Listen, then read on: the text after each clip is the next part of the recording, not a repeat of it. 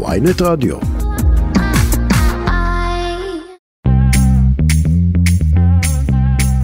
שלום לכם, אתם איתנו על כסף חדש, הפודקאסט הכלכלי היומי של ynet, יום שלישי, 20 ביוני. מיד נעסוק בהרחבה בבחירות ללשכת עורכי הדין. עורך הדין דורון ברזילי, פעם ראש לשכת עורכי הדין, היום מתמודד על ראשות הלשכה, דיבר איתנו על המשמעות הכלכלית של הבחירות, גם על הכוח של הלשכה ועל עוצמתה הכלכלית הגדולה. יש ללשכה מספר נכסים של בנייני הלשכה, יש לה את המבנים שלה שיושבים במקומות אה, אה, אסרטיביים, אטרקטיביים ושווים הרבה מאוד כסף מצד אחד.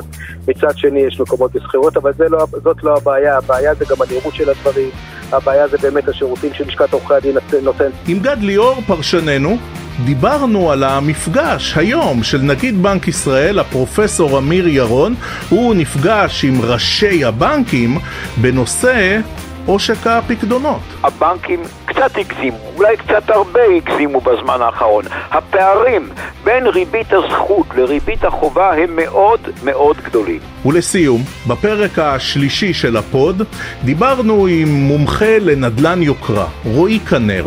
הוא הסביר לנו על מגמות רכישה של העשירים, כל זאת על רקע דוח העושר העולמי שפורסם היום, וממנו נעדרה למרבה ההפתעה שלנו לפחות, העיר תל אביב. אני ראיתי לא מעט אה, מחקרים שאומרים שדווקא אנשים שקונים את הרולקס והולכים לקנות את, ה, את התיק או את הנעליים מלואי ויטון, רובם הם דווקא ממעמד הביניים. אני רועי כץ. עורך את הפוד, יאיר חסון, אביב ליבוביץ' הוא על הביצוע הטכני, כסף חדש, הנה מתחילים. כסף חדש, הפודקאסט הכלכלי היומי של ynet רדיו, אנחנו מתחילים עם הבחירות בלשכת עורכי הדין שמתקיימות היום, דריכות של ממש במערכת הפוליטית. לקראת התוצאות אה, בעקבות הערכות שהקואליציה יכולה לקבל חיזוק למהפכה המשפטית, או אולי דווקא האופוזיציה תתחזק והמחאה זו שתשפיע יותר. אנחנו רוצים לדבר גם על כלכלה, אנחנו רוצים לדבר על כסף, אנחנו רוצים לדבר לדבר על הרבה דברים שלשכת עורכי הדין מטפלת ומשפיעים על החיים של כולנו. אומרים שלום למי שעמד בעבר בראש לשכת עורכי הדין, היום מתמודד על ראשות הלשכה, שלום לעורך הדין דורון ברזילי. שלום. טוב, בואו נתחיל אה, ישירות. אה, יש השלכות על הכלכלה הישראלית, על הכיס של אזרחי ישראל, במידה ומועמד זה או אחר יזכו היום בבחירות לראשות הלשכה? אז דבר ראשון, ברור שכן. לשכת עורכי הדין, הרבה אנשים לא יודעים, אבל היא גוף מאוד מאוד משמעותי בעולם המשפט. אין כמעט חקיקה אין כמעט סוגיה שקשורה לעולם המשפט בחקיקה שלשכת עורכי הדין לא נמצאת שם. ויש אה, לוביסטים מטעם הלשכה ויש התנהלות שלמה מטעם הלשכה שבוחנת, בודקת כל מצב ומצב. יש עשרות ועדות מקצועיות שבוחנות את כל הדברים, מגבשות ניירות עמדה ואז מופיעות בכנסת מטבע הדברים, מופיעים מול הרשויות השונות, אם זה רשויות המס, אם זה רשויות אה, אה, משרד הפנים, או משרדי הממשלה השונים, מביעים את עמדתם, מייצגים, את ה... מדיניות, כאשר המטרה היא כמובן לשמור על הציבור הרחב, ציבור עורכי הדין, ולמעשה להיות מעין שופר למדיניות ולתפיסה אובייקטיבית של כל מה שקורה. זה יכול להיות גם בכלכלה, זה יכול להיות גם בוועדה למינוי שופטים, ובהרבה מאוד תחומים למעשה להיות לשון המאזניים והגוף המקצועי שבא ובוחן את הדברים. עורך הדין ברזילי, אתה אה, עורך דין ותיק וציינתי בפתיח שבעבר גם עמדת בראש הלשכה, היום אתה מתמודד על ראשות הלשכה. היית מאמין שהבחירות האלה שהרבה פעמים היו מנומנמות וציבור עורכי הדין לא כל כך התעניין בהם, הפכו להיות האירוע הכי גדול של היום בישראל? אז מצד אחד אני שמח שיש אחוז הצבעה גבוה ולמעשה כל אחת ואחד מאיתנו בא ומנסה ליישם את אה, זכותו הלגיטימית והדמוקרטית אה, לבחור. מצד שני, אני חושב שמה שקרה פה יצא מפרופורציות והסכומים המטורפים שמושקעים והתקציבים והפוליטיקה שנכנסה לתהליך הזה, אני חושב שזה דבר עצוב, דבר לא נכון, דבר לא בריא ודבר שקצת אה, אה, פוגע בכל התהליך הזה. לא יכול להיות אה, מצב שמצד אחד יש מועמד שיושב להערכתי על סכומים אה, בלתי נתפסים בכלל, וכל הקמפיין שלו מונע למעשה משנאה ומכעס שחס וחלילה לא יהיה מועמד בשם אפי נווה שהוא עבר, והוא צודק דרך אגב באמירה הזאת, אפי, שאפי נווה לא יכול להיבחר לראשות הלשכה, ומנהל קמפיין הפחדה שלם, שבפועל יש הרבה מאוד דברים מונחים על הכף, גם באמת, כמו שאתה אומר, בכלכלה, בפרנסה, במדיניות, גם בוועדה למינוי שופטים, הרבה מאוד דברים שעומדים על הכף, ובאיזשהו מקום זה יצא קצת מפרופורציות כשיש עוד אופציות, עוד אפשרויות, וזה לא רק אפי נווה ורק עמית בכר. אפשר באמת גם לבוא ולבחור באלטרנטיבה הנכונה, הבריאה, יש, יש אותי, יש רשימות שלמות של אנשים שבאים ועושים למען הציבור, למען עורכי הדין, ורוצים לשנות וישנו גם את המדיניות אה, בעתיד.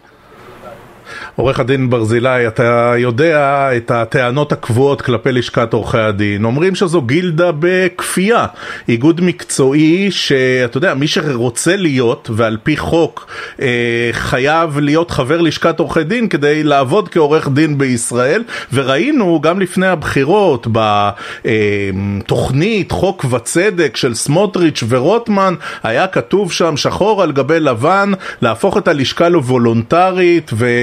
אתה יודע, אה, לא עוד מונופול של לשכת עורכי הדין. התייחסות שלך? אז יש הרבה מאוד אה, זרמים והרבה מאוד גישות, והרבה מאוד שנים יש את הגישה הזאת שרוצים גורמים מסוימים להפוך את הלשכה לוולונטרית, אבל לא בכדי ולא סתם המחוקק קבע כבר אה, משנת 61 שלשכת עורכי הדין חייבת להיות גוף סטטוטורי והגוף היחיד מבחינת המקצועות החופשיים שהיא גוף סטטוטורי, כי באמת יש לה את החשיבות להיות uh, לשון המאזניים, להיות הגוף האובייקטיבי והגוף הנכון שמביע את עמדתו גם בוועדה למינוי שופטים ומאזן בין שופטים לבין uh, הפוליטיקאים, גם בכנסת, וזה לצערי נובע בעיקר ממה שקרה בלשכת עורכי הדין בשנים האחרונות, מהמועמדות של uh, אנשים מסוימים לראשות הלשכה, מהפנים שלשכת עורכי הדין הציגה בגלל הפרשיות השונות, שגרמו לכולנו להתבזות ולהרגיש מבוישים מזה שאנחנו בכלל עורכי דין. ואני מקווה שלפחות מהבחינה הזאת היום הסאגה הזאת תיגמר ויהיה אה, ציבור הדין נבחר אה, כאדם הנכון, האדם הראוי ביותר שיוביל את הלשכה בשנים הבאות בלי פרשיות מצד אחד ומצד שני באיזונים הנכונים ובכבוד הראוי גם למקצוע עריכת הדין וגם מה שמגיע לציבור בכללותו. עורך הדין דורון ברזילי, בוא נדבר רגע כסף. אה, אנחנו רואים את תקציב הלשכה עומד על אה, סדר גודל של קצת יותר מ-60 מיליון אה, דמי חבר ועוד כ-16 מיליון הכנסות נוספות. זה הרבה כסף. מה הלשכה עושה עם יותר מ-75 מיליון שקל הכנסות? אז אני אתחיל מהמילה אחת, הזוי. ואתה צודק בכל מה שאמרת, לא הגיוני, לא נתפס. לשכת עורכי הדין בשנים האחרונות התנהלה בצורה מפוזרת, לא בריאה, צריכה לעבור רפורמה מאוד מאוד מקיפה בהרבה דברים, ואחד מהם זה באמת מהחבר, הסכומים שמסתובבים שם, התקציבים שמתגלגלים שם, ואין שום סיבה בעולם, וניהלתי את הגוף הזה הרבה שנים, הייתי בגוף הזה הרבה שנים, ואין שום סיבה בעולם שציבור עורכי הדין ישלם פחות ויקבל הרבה יותר. אתה יודע לספר לנו מה עושים עם הכסף? הרי אתה יודע, לשכה אה, שמריצה סדר גודל של 75 מיליון שקל הכנסות ויש לה נכסים נוספים ויש לה הכנסות משנים קודמות, מה עושים עם הכסף הזה? אז יש הרבה מאוד כסף שהולך למנגנון, יש הרבה כסף שהולך... אני אומר שוב, הדברים האלה חייבים לעבור רפורמה מקיפה, רפורמה יסודית, הכפילויות שרצות שם, המבנה של התשלומים, המבנה של הספקים, הרבה מאוד דברים שצריכים לעבור ראורגניזציה, חשיבה מחדש, ואני בטוח שהחל ממחר בבוקר, אני לפחות, מוכן, מכיר את התחום הזה, יודע אה, לשרת את אה, מותניים, יודע לעבוד נכון ויודע להחזיר את הדברים לפרופורציות ולמבנה הנכון שלהם. רגע, תעזור לנו רגע להבין. אה, אז יש אה, ללשכה את ההכנסות, אה, כאמור, בכפייה, חובה, סדר גודל של כמעט אלף שקלים דמי חבר מכל עורך דין שרוצה להיות חבר בלשכה. על, על איזה נכסי נדל"ן יש ללשכה? ספר לנו קצת. יש ללשכה מספר נכסים של בנייני הלשכה, יש לה את המבנים שלה שיושבים במקומות... אסרטיביים, אטרקטיביים ושווים הרבה מאוד כסף מצד אחד. מצד שני יש מקומות בשכירות, אבל לא, זאת לא הבעיה, הבעיה זה גם הנראות של הדברים, הבעיה זה באמת השירותים של עורכי הדין נותנת. אני לדוגמה כשהייתי ראש לשכת עורכי הדין, אז מצד אחד גם השארנו את הפעילויות הפנאי, הרווחה, הכנסים, ההשתלמויות, המקצועיות, ומצד שני זה נעשה ללא תשלום ונפתח אה, בחינם לכל עורכי הדין בחינם. המאגרי מידע שניתנו חינם לכל עורכי הדין. אתה יכול לעשות הרבה מאוד דברים, גם בהרבה פחות כסף, עם הרבה יותר התייעלות, הרבה יותר נכונות, ובסופו של דבר המטרה היא, כמו כפי שאמרתי, להפחית את דמי החבר בצורה ניכרת, בעיקר לעורכי דין צעירים ולעורכי דין מפריפריה ולאוכלוסיות אה, אה, אה, אה, יותר אה, מורכבות. לא, רק נגיד למאזינים שלנו שעורכי דין צעירים, נדמה לי עד שלוש שנים, באמת משלמים פחות. מרגע שאתה פחות. ותיק, אתה... ברור. הש... ואתה אומר, פחות. אתה תיתן... ואתה אומר, אתה uh, צריך לעשות דיפרנציאציה גם לעורכי דין שהם בפריפריה או, או למגזרים אחרים, נכון? המבחן הוא בסופו של דבר אם אני בסופו של יום, לאחר שאני אבחר אה, בעוד שנה, אני אבוא ואשאל את עורכי הדין, אם היום אני הייתי הופך את הלשכה לוולנטרית, כמו ששאלת, אם אתם הייתם מוכנים לשלם דמי חבר, או שהייתם אומרים, לא, הלשכה לא סיפקה את השירותים שהיא הייתה צריכה, ואני מבחינתי לא מכבד אותה ולא נותן לה את האמון שהיא צריכה לקבל. אני יכול לומר לך שאם אני אעשה את המבחן הזה בעוד שנה מיום שאני אבחר, רוב ציבור עורכי הדין הוא אחוז מוחלט כמעט, יבואו ויאמרו, לא, אני נשאר ומוכן לשלם דמי חבר פחות ממה שמשלמים היום, ואני מעריך את הלשכה ואני יודע שהיא עושה ועובדת בשבילי. וכל אחד ואחד דורון ברזילי, אבל אתה יודע... פתרון אחד זה לשכה וולנטרית, פתרון שני זה תחרות, אפשר שיהיו אה, שתי אה, לשכות, לא רק אחת, כמו שאנשים בוחרים באיזה הסתדרות הם חברים. ללשכה וולנטרית יש מחיר מאוד מאוד מאוד כבד היא לא יכולה, הלשכה לא יכולה להפך לוולנטרית כי באותו רגע היא תאבד גם את המעמד שלה בכנסת ובוועדות השונות ומינויי שופטים והיא לא סתם ולא בכדי הגיעה למעמד הזה. הבעיה היא לא הסמכויות שלה, הבעיה זה האנשים שמנהלים אותה. הבעיה שאם אתה מנהל את זה ואז אתה שומע על פרשייה שהייתה מין תמורת מינוי ואתה שומע על פרשיות אחרות ושראש לשכה הורשע בפלילים ופתאום ראש לשכה לשעבר שמתמודד שוב לראשות לשכה למרות שיש שאלה בכלל אם הוא קשה להיות עורך דין בישראל, פה מתחילה הבעיה באמון הציבור במערכת, לא באמון הציבור בזה שהיא צריכה לבצע את התפקידים האלה. רוצה לחזור לנושא איתו התחלנו. אה, ספר לנו רגע, האם ומה יכולה להיות השפעה כלכלית על האזרחים, על המאזינים שלנו לפודקאסט, בכל מה שקשור לשופטים, שכרגע מחכים למינויים, כי אין ועדה לבחירת שופטים ויש עיכובים, מה ההשפעה הכלכלית על כולנו? בוודאי שיש השפעה כלכלית, שיש יותר דיונים, דיונים מתארחים, דברים קורים, בסופו של דבר כולנו מושפעים ממערכת המשפט וכולנו רוצים שמערכת המשפט תהיה יעילה, תקינה, בריאה אה, ותעבוד בצורה סדורה. ובאמת אחד הדברים שיקרו, ואני מקווה שממחר לאחר שאני אבחר, אני אוכל גם כן לסייע בתהליך הזה, גם בקשר אה, ישיר עם מערכת המשפט, גם עם אה, שר המשפטים, גם בקידום הוועדה, גם במינוי שופטים מצד אחד, וגם כמו שעשיתי בעברי בלהחזיר את משוב השופטים, שלמעשה נותן איזושהי אינדיקציה פנימית מה קורה באמת באולמות בתי המשפט מבחינת ייעול ההליך, מבחינת משך הזמן של ההליך, מבחינת הבקיאות בהליך, שדברים שמשרתים את ציבור עורכי הדין ואת הציבור בכללותו ונותנים הרבה מאוד נקודות גם מבחינת מעמד וכבוד המקצוע וגם מבחינת מערכת השליטה והעולם המשפטי בכלל. רגע לפני שניפרד, מה אתה אומר על הבלגן, על התורים הארוכים, אנשים אומרים אנחנו עומדים שעה רק כדי uh, לבחור, מה, לשכת עורכי הדין לא יודעת לארגן יום בחירות? אני אומר, יש אחוז, נראה כך לפחות, שיש אחוז הצבעה מאוד גבוה אני מקווה שהם מצביעים לאדם הנכון, ואני מקווה שהם אה, אה, יצביעו... אבל, אבל ידענו שיהיה אחוז הצבעה גבוה, זה לא, זו לא הפתעה. אני, אני יכול לומר לך שאני אה, התרעתי על העניין הזה, ביקשתי מדרך אנשים שלי שנמצאים בוועדות בחירות, ש, שיגדילו ושיעריכו את משך הזמן שהקלפיות נמצאות. כל אדם שרוצה, כל עורך דין שרוצה להצביע או רוצה להצביע, חייבים לממש את זכותם, חייבים לאפשר להם לממש את זכותם. ואנחנו עכשיו גם כן, אנחנו פונים ומנסים אה, באמת אה, להגדיל את שעות הקלפיות, ואני מקווה שהדבר הזה יתקיים, ושכל מי שירצה להצביע באמת יוכל להצביע, וזה דבר מבורך ודבר שטוב שכך. עורך הדין דורון ברזילי, לשעבר ראש לשכת עורכי הדין, מתמודד על ראשות הלשכה היום ביום הבחירות. תודה לך אדוני, תודה שהצטרפת אלינו. תודה רבה. כסף חדש כסף חדש, אנחנו ממשיכים, נגיד בנק ישראל, הפרופסור אמיר ירון, הוא זימן היום ללשכתו את מנכ"לי הבנקים לפגישה דחופה, אה, מתח שם ביקורת על הפערים הגדולים בין הריביות הגבוהות שהם דורשים על החזרי הלוואות לאלו שהם נותנים לנו, הלקוחות, על פקדונות וכסף בעובר ושב. עכשיו אנחנו רוצים להעמיק בעניין הזה, אומרים שלום לכתב, לפרשן הכלכלי של ynet וידיעות אחרונות, שלום גד ליאור. שלום רב. טוב, מה, מה היה שם בפגישה הזאת? זאת הייתה אה, שיחת נזיפה? יש איזה שורה תחתונה או שרק התחלנו לעסוק בעניין? אני לא יודע אם לקרוא לזה ממש נזיפה קשה, בוא נאמר נזיפה קלה. זאת אומרת, הנגיד בעצם מבין שהוא לא יכול להורות לבנק הפועלים, לדיסקונט, או לבינלאומי, או לבנק אחר, איזה ריביות לקחת ואיך להתנהג. אנחנו רוצים פה שוק חופשי, אבל מצד שני להביע קצת את המחאה של הציבור ושל הכנסת, בגלל שהוא גם אומר חד וחלק שאם הם לא יעשו את זה לבד, יכולה חלילה, אני אומר חלילה, להיות איזושהי התערבות בחקיקה. וזה כמובן לא רצוי.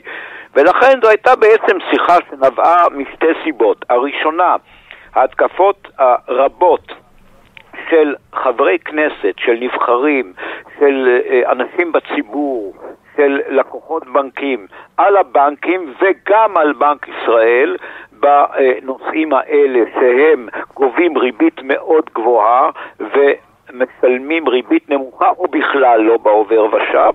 והסיבה האחרת היא, יחד עם זאת, גם ההתקפות הקשות לאחרונה, האישיות על נגיד בנק ישראל, והנגיד אה, אה, מרגיש מעט לחוץ לפני שעומדים להכריע מי יהיה הנגיד הבא, ככל הנראה לא הוא, אבל בכל זאת אה, אה, מאוד, הוא מאוד מרוגז ומישהו אמר לי הוא גם מאוד נעלב. כשמישהו אומר להשליך אותו מכל המדרגות ובסך הכל הוא עושה את עבודתו, זה לא בדיוק אה, מוצא חן בעיני אף אחד, בוודאי לא בעיני הנגיד עצמו.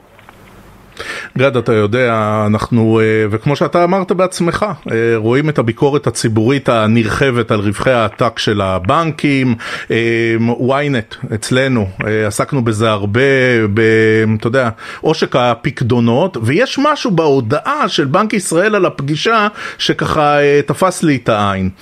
הם אומרים, וזה ציטוט של הנגיד, חיוני שהבנקים ידעו למצוא את האיזון המשקף את ערך ההוגנות. סוף ציטוט. מהו ערך ההוגנות? מתי יחליט מישהו שזה כן הוגן או לא הוגן, או שכמו שאפילו בצלאל סמוטריץ', שר האוצר אמר בכנס אלי הורוביץ של המכון הישראלי לדמוקרטיה לפני כשבועיים, אה, רווח חזירי. מתי מישהו ידע לקבוע? אז בוא נגיד כך, נביא את הדוגמה ממקום אחר. יש בארץ חוק, יש חוק בספר החוקים של ישראל, שאומר ש...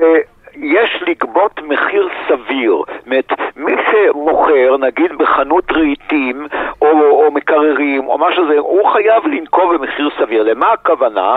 אם אותו אה, אה, בעל חנות רהיטים קנה אצל הנגר את אה, הכוננית באלף שקל, יהיה בלתי סביר שהוא ימכור, אותו, שהוא ימכור אותה בעשרת אלפים שקל. בלתי סביר. כנ"ל פה, לא סביר שאם רועי כץ או גד ליאור או כל אחד אחר נוטל הלוואה בבנק, הוא ישלם 12, 14, אולי 15 אחוזים ריבית. אבל כשהוא מקבל ריבית, אז הוא מקבל שלושה אחוזים בתנאי שתסגור את הסכום הזה לשלושה חודשים ואולי ניתן לך ארבעה אם תסגור לשנה ואם לא תסגור אלא ליום-יומיים אז הריבית השנתית היא פחות מאחוז. זה נקרא בלתי הוגן, זה נקרא, לזה התכוון הנגיד, שפה הבנקים קצת הגזימו, אולי קצת הרבה הגזימו בזמן האחרון. הפערים בין ריבית הזכות לריבית החובה הם מאוד מאוד גדולים. גד, ברשותך, רוצה לעבור לנושא אחר, מרגיז, מרגיז, מרגיז, וזה הקרב על דמי ההבראה של כולנו. אה, זה פחות או יותר פרק השנה, אה, שאנחנו מתחילים לשים לב לתשלומים של דמי ההבראה.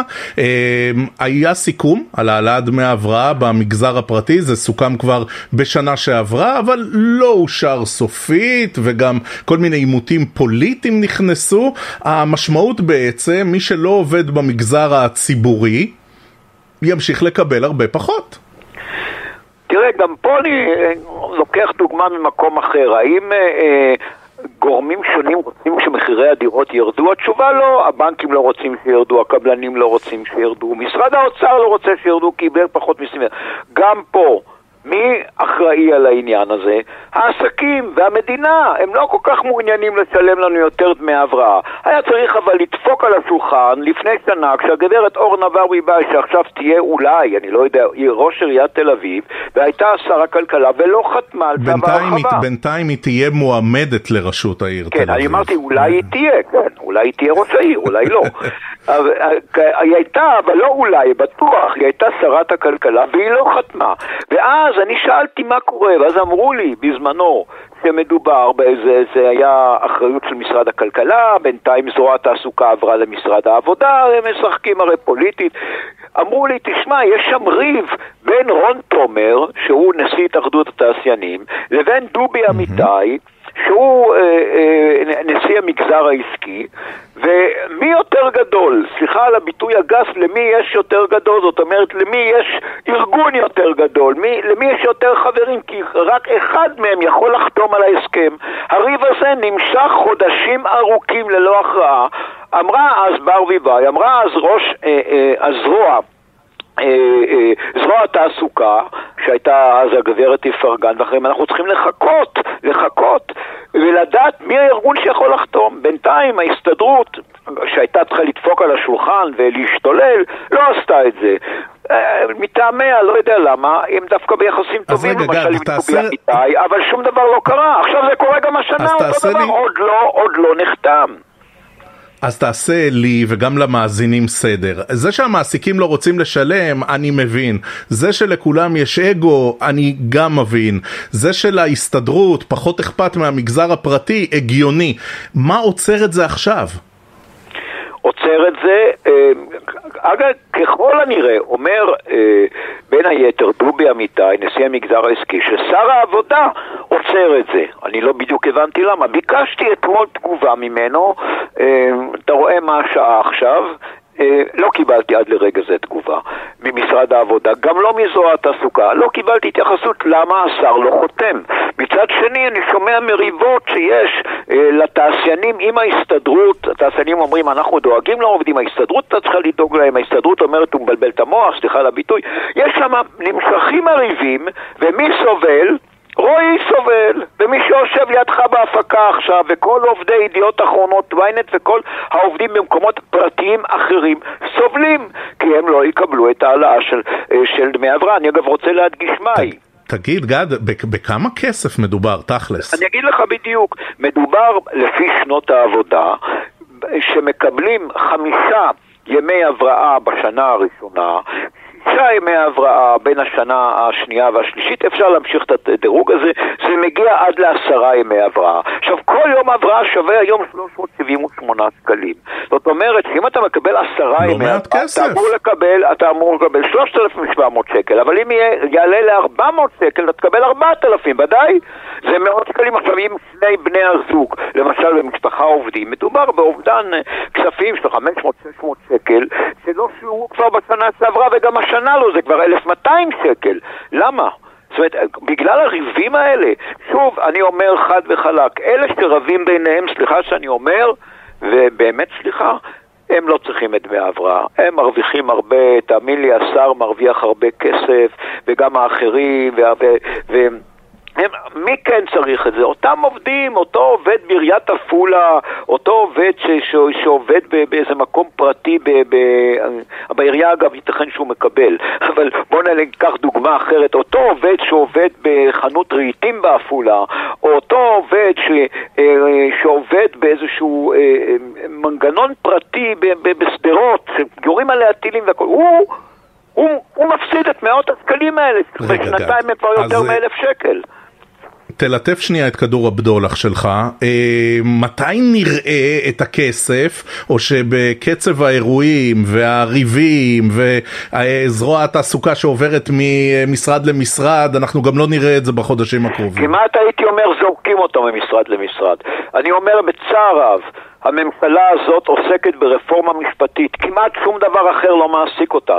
היו צריכים לדפוק פה על השולחן, כולל ראש הממשלה, ולהגיד אני רוצה שהעובדים במשק יקבלו ב-1 ביולי כנהוג במשכורת חודש יוני את דמי ההבראה המשופרים. אף אחד לא דופק על השולחן, זה לא מעניין אבל אותם. זה לא יקרה, זה פשוט זה לא כבר מעניין לא אותם. יקרה. כן, זה כנראה לא יקרה. ומצער מאוד שזה ככה, אגב, אני חייב למען ההוגנות לומר, זה קרה בממשלת השינוי בממשלה הקודמת, וזה גם קורה בממשלת נתניהו. אנחנו, האזרחים, כנראה די, די במקום האחרון. מי שנדפק פעם אחת, אמר מורנו ורבנו מאיר אריאל, כבר לא יכול להיגמל מזה. גד ליאור, כתב, פרשן כלכלי, ynet ידיעות אחרונות, תודה, תודה רבה גד על השיחה. תודה רבה. כסף חדש love. עכשיו אנחנו לחלק השלישי של הפוד. הבנק השוויצרי לניהול עושר, יוליוס בר, הוא מפרסם את דוח העושר השנתי לשנת 2023. אה, יש פה הרבה דברים מעניינים שהם לא רק אה, להוציא את העיניים, רק שתדעו שהעיר היקרה ביותר עבור אנשים שיש להם היא לראשונה סינגפור. אה, במקום השני מדורגת שנגחאי בסין. היא הייתה ראשונה בשנה שעברה, אולי היא מאבדת מקום בגלל הגבלות קורונה ממושכות. אחרות, לא ברור. במקום השלישי, הונג קונג, גם היא כבר חלק מסין, ואחרי זה לפי הסדר, לונדון, ניו יורק, מונאקו, דובאי, טייפה בטיוואן, סאו פאולו ומיאמי, שסוגרת את העשירייה הראשונה. אם חשבתם שתל אביב כל כך יקרה, אז לא, היא לא נמצאת ברשימה, ואנחנו רוצים להעמיק בנושא הזה. אומרים שלום למנכ"ל קבוצת מונטיפיורי, מומחה לנדל"ן יוקרה, שלום רועי כנר. שלום רועי. טוב, בוא נתחיל בשאלה המתבקשת, אתה יודע, קצת פרובינציאלית, אבל בכל זאת, למה תל אביב בחוץ? אתה יודע, יש לה דימוי נורא נורא יקר. נכון, אז קודם כל לגבי הדוח הזה, כדי להבין איך להתייחס אליו בכלל, צריך להבין שני דברים מרכזיים. א', הנבדקים שעל בסיסם נכתב הדוח, הדוח הזה, הם נבדקים מאנשים מחתך סוציו-אקונומי גבוה. כלומר, אנשים, שה, אנשים שהשווי שלהם הוא מעל מיליון דולר בנכסים נזילים, כלומר לא מתחשבים למשל בבית שלהם. הדבר השני הוא שהקריטריונים שבדקו ג'וליוס בר הם קריטריונים אה, שאפשר להגיד שרובם הם סוג של מותרות. אה, למשל, זה מתחיל מרמת הנדל"ן למגורים ומכוניות עד לרמת אה, עלויות של שינוי בעלויות של וויסקי, יין ונעלי נשים. כך שמראש הדוח הזה הוכן, נדרש שהוכן יותר ל... למי שבחתך הסוציו-אקונומי הגבוה או בדרך אליו. עכשיו, ההקשר לתל אביב, הוא גם אני שפתחתי את הדור, ישר את הדוח, הקשתי על כפתור החיפוש וניסיתי לחפש את uh, תל אביב, ישר לראות איפה אנחנו נמצאים, ואכן uh, נוכחנו uh, לגלות שאני חושב שאנחנו אפילו לא, לא בעשירייה הראשונה וגם לא מעבר לזה. ועוד דבר מופיע, כן, שדווקא יש, היום פורסם... יש מקומות יותר ידי... יקרים, כך מתברר. נכון, והיום גם פורסם לגבי תל אביב, דווקא דוח שהוא, אה, לא דוח, אבל כתבה שהיא מפתיעה לטובה, שאיזשהו בלוג אה, אה, תיירות מאוד מפורסם, אה, מצא שתל אביב היא העיר שהכי שמח אה, אה, לבקר בה. אז אה, לפחות השנה אנחנו, אה, תל אביב ככה מקבלת קצת הנחה ורגיעה, ונותנת את הבמה לערים אה, אחרות שהן ככל הנראה יותר יקרות. רועי, אה, תן לנו רגע לנסות ולהבין. יש פה חשודות מיידיות שהן תמיד אה, ערים נורא נורא יקרות. אנחנו אה, יודעים שלונדון יקרה, אנחנו יודעים שניו יורק, בטח מנהטן מאוד יקרה, גם מונאקו אנחנו מבינים. זה, זה סמל סטטוס להיכנס לרשימה כזאת? זה אומר שמשהו באמת נכון, או שזה, אתה יודע, סוגיות של היצע וביקוש, ואם אתה אה, אי קטן כמו הונג קונג ומאוד מאוד צפוף, אז בהכרח אתה תיכנס לרשימה הזו. כן, תראה, אני חושב שמאז ומעולם, בכל, בכל ארץ, זה נחשב לאיזשהו סמל סטטוס. אם אתה גר בשכונה אה, הכי יקרה, או במטרופולין... אה, הכי אה, מבוקש. תן לנו רגע לנצל את המומחיות שלך. אתה יודע, מדברים פה הרבה על יוקר מחיה ומדברים הרבה על האטה כלכלית ומדברים הרבה על כל מיני אה, סימנים מאוד מאוד מדאיגים. אתה מומחה לנדל"ן יוקרה ואתה מכיר את השוק מבפנים, או יותר נכון מגובה הפנטהאוזים. אתה מזהה משהו? כן, אני, בוודאי שאני מזהה משהו, אני חושב שמי שלא מזהה משהו צריך ללכת לעשות אה, בדיקת אה, עיניים. כמובן שאנחנו שמים לב להאטה שהיא דרך אגב ממש לא שמורה למדינת ישראל והיא קורית אה, עכשיו בכל העולם המערבי לפחות, אני לא, לא בודק פשוט לא מדינות שלא נמצאות בעולם המערבי אנחנו נמצאים באיזושהי האטה, אנחנו עברנו אחרי הקורונה שנה, שנה וחצי של עליות היסטריות, דרך אגב, בכל תחום היוקרה, מרמת הנדל"ן, ועד לרמת המכוניות, מכוניות יוקרה למשל, הייתה עלייה מאוד מאוד רצינית, ואנחנו שמים עכשיו לב להאטה בהחלט. אתה יודע, כשאנחנו מדברים על אה, אורח חיים של אה, The Rich and Famous, כמו שקראו לזה פעם, אז זה באמת, אה, חלק מזה זה נדל"ן, אבל חלק, כמו שאתה הזכרת, וגם בדוח של הבנק השוויצרי בודקים את זה, זה גם דברים אחרים, אתה יודע, זה שעונים, זה וויסקי, זה, זה רכב. זה תמיד בא ביחד, רועי? זה תמיד בא כקומבינציה? או שיש מי שאומר, תקשיבו, אני אגור בבית יפהפה, אבל אני לא חייב לנסוע במזרטי, אני אגור ב... בבית יפהפה או בפנטהאוז יוקרתי, אבל אני לא חייב להיות עם אה, שעון של 100 אלף דולר על פרק היד. נכון, אז הפלח לקוחות שאנחנו מייצגים הוא פלח מאוד מאוד ספציפי באוכלוסייה והפלח הזה בעצם, הבתים שהוא גר בהם, המכוניות שהוא נוהג בהם, השעונים שהם לובשים, הכל נמצא בחזקת מותרות. אז כאשר הכלכלה מאטה, אז אה, גם אה, כל עניין המותרות אה, נחלש. כלומר, אנשים ירשו לעצמם לקנות יותר מותרות כאשר הכלכלה במצב חזק יותר, ויהדקו יותר את החגורה, גם אם הם נורא נורא עשירים, כאשר המצב מאט, ולכן אנחנו כן רואים קורלציה גם בשוק היוקרה, גם בוא נקרא לזה לשוק הרגיל. אה, זה בהחלט קיים, כן. תנסה לזהות עבורנו כמה משמעותית הרשת החברתית בכל הדיון הזה, כי פעם לא כל כך ידענו מה קורה בתוך החיים, לא כל כך uh, ראינו. היום עם אינסטגרם, עם טיק טוק, עם uh, מצב שבו uh, כל שעון מצלמים וכל בריכה בבית מתעדים, uh, כמה הדבר הזה משפיע גם על הכמעט uh, מרוץ חימוש הזה בין העשירים להראות למי יש יותר גדול ויותר יקר. אה, תראה, אין ספק, אני חושב, אני חושב שאף אחד לא יכול להתווכח עם העובדה שמאז uh, שבאמת התחזקו הרשתות החברתיות, אז uh, המכירות של מוצרי מותרות uh, עולים uh, בהרבה. אבל uh, אני ראיתי לא מעט uh, מחקרים שאומרים שדווקא אנשים שקונים את הרולקס והולכים לקנות את, ה, את התיק או את הנעליים מלואי ויטון, רובם הם דווקא ממעמד הביניים. אה, כלומר, מעמד ביניים שמנסה, אתה יודע, רוצה להשיג איזשהו סמל סטטוס, או להראות אה, בדיוק להשתייך. דווקא אמ, הסקטור העשיר יותר, לדעתי, הוא פחות מונע מטרנדים של אה, טיק טוק ואינסטגרם. תגיד, מההיכרות האישית, מהיום יום, לעשירים בכלל אכפת כמה הם מוציאים? זאת אומרת, אה, עוד 300 אלף דולר פה, עוד מיליון 300 אלף דולר שם, זה משנה בכלל? תראה, אולי, אולי תתפלא, אבל ברוב המקרים זה משנה מאוד. אני תמיד אוהב להגיד, החבר'ה האלה לא הגיעו לאן שהם הגיעו כי הם אה, שילמו מעל השוק או כי הם אה, פראיירים.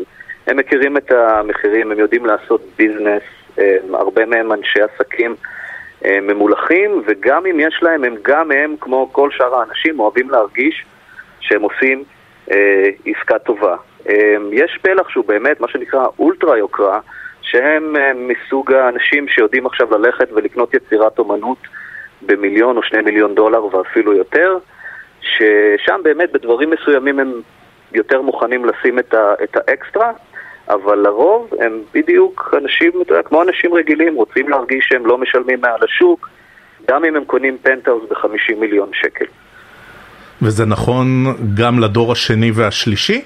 אלה שנולדו כבר לכסף הגדול ולא בדיוק עבדו עבור? אני חושב שזה מאוד תלוי. אנחנו, הם, יש לנו לקוחות אה, החל מגילאי נגיד 20, אה, 25, שזה חבר'ה שבאמת שנולדו לתוך ההון. אמ, ואני, מניסיוני זה מאוד מאוד תלוי. יש אה, חבר'ה צעירים שבאמת התחילו מנקודת פתיחה מאוד מאוד גבוהה וממנפים את זה כדי להצליח אפילו עוד יותר, ויש, אתה יודע, חבר'ה שהם עובדים פחות קשה ונהנים מאוד שיש להם, זה מאוד תלוי בחינוך בבית ובאינדיבידואל. רועי כנר, מנכ"ל קבוצת מונטיפיורי, מומחה לנדל"ן יוקרה, תודה רבה, השכלנו. תודה רועי, יום טוב. אנחנו מסכמים את כסף חדש ליום שלישי, נגיד תודה ליאיר חסון שערך את הפוד, אביב ליבוביץ' היה על הביצוע הטכני, אני רועי כץ, מחר יהיה איתכם דן רבן מאחורי המיקרופון עם עוד הרבה דברים שמשפיעים על הכיס של כולנו, ועד אז שיהיה לכם המון המון כסף חדש.